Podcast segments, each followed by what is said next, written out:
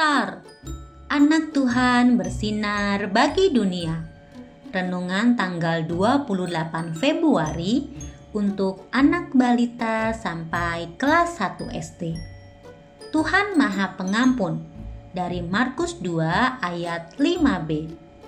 Hai anakku, dosamu sudah diampuni. Perang! Suaranya kencang sekali sampai Kak Bulan pun keluar dari kamarnya melihat apa yang sedang terjadi. Kak Bulan kaget.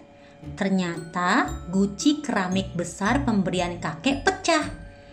Guci itu sekarang sudah tidak berbentuk dan tidak bisa berdiri tegak lagi. Kak, Mentari nggak sengaja pecahin guci mama. Mentari sedih ya? Tanya Kak Bulan. Mentari hanya bisa menganggukkan kepala. Yuk, sebelum Mentari cerita ke Mama, bagaimana kalau kita berdoa dulu agar Tuhan Yesus mengampuni kesalahan Mentari? Mentari mau? Mentari pun ikut berdoa bersama Kak Bulan. Anehnya, selesai berdoa Mentari lega dan siap minta maaf pada Mama. Mentari percaya Tuhan Yesus sudah mengampuni kesalahannya.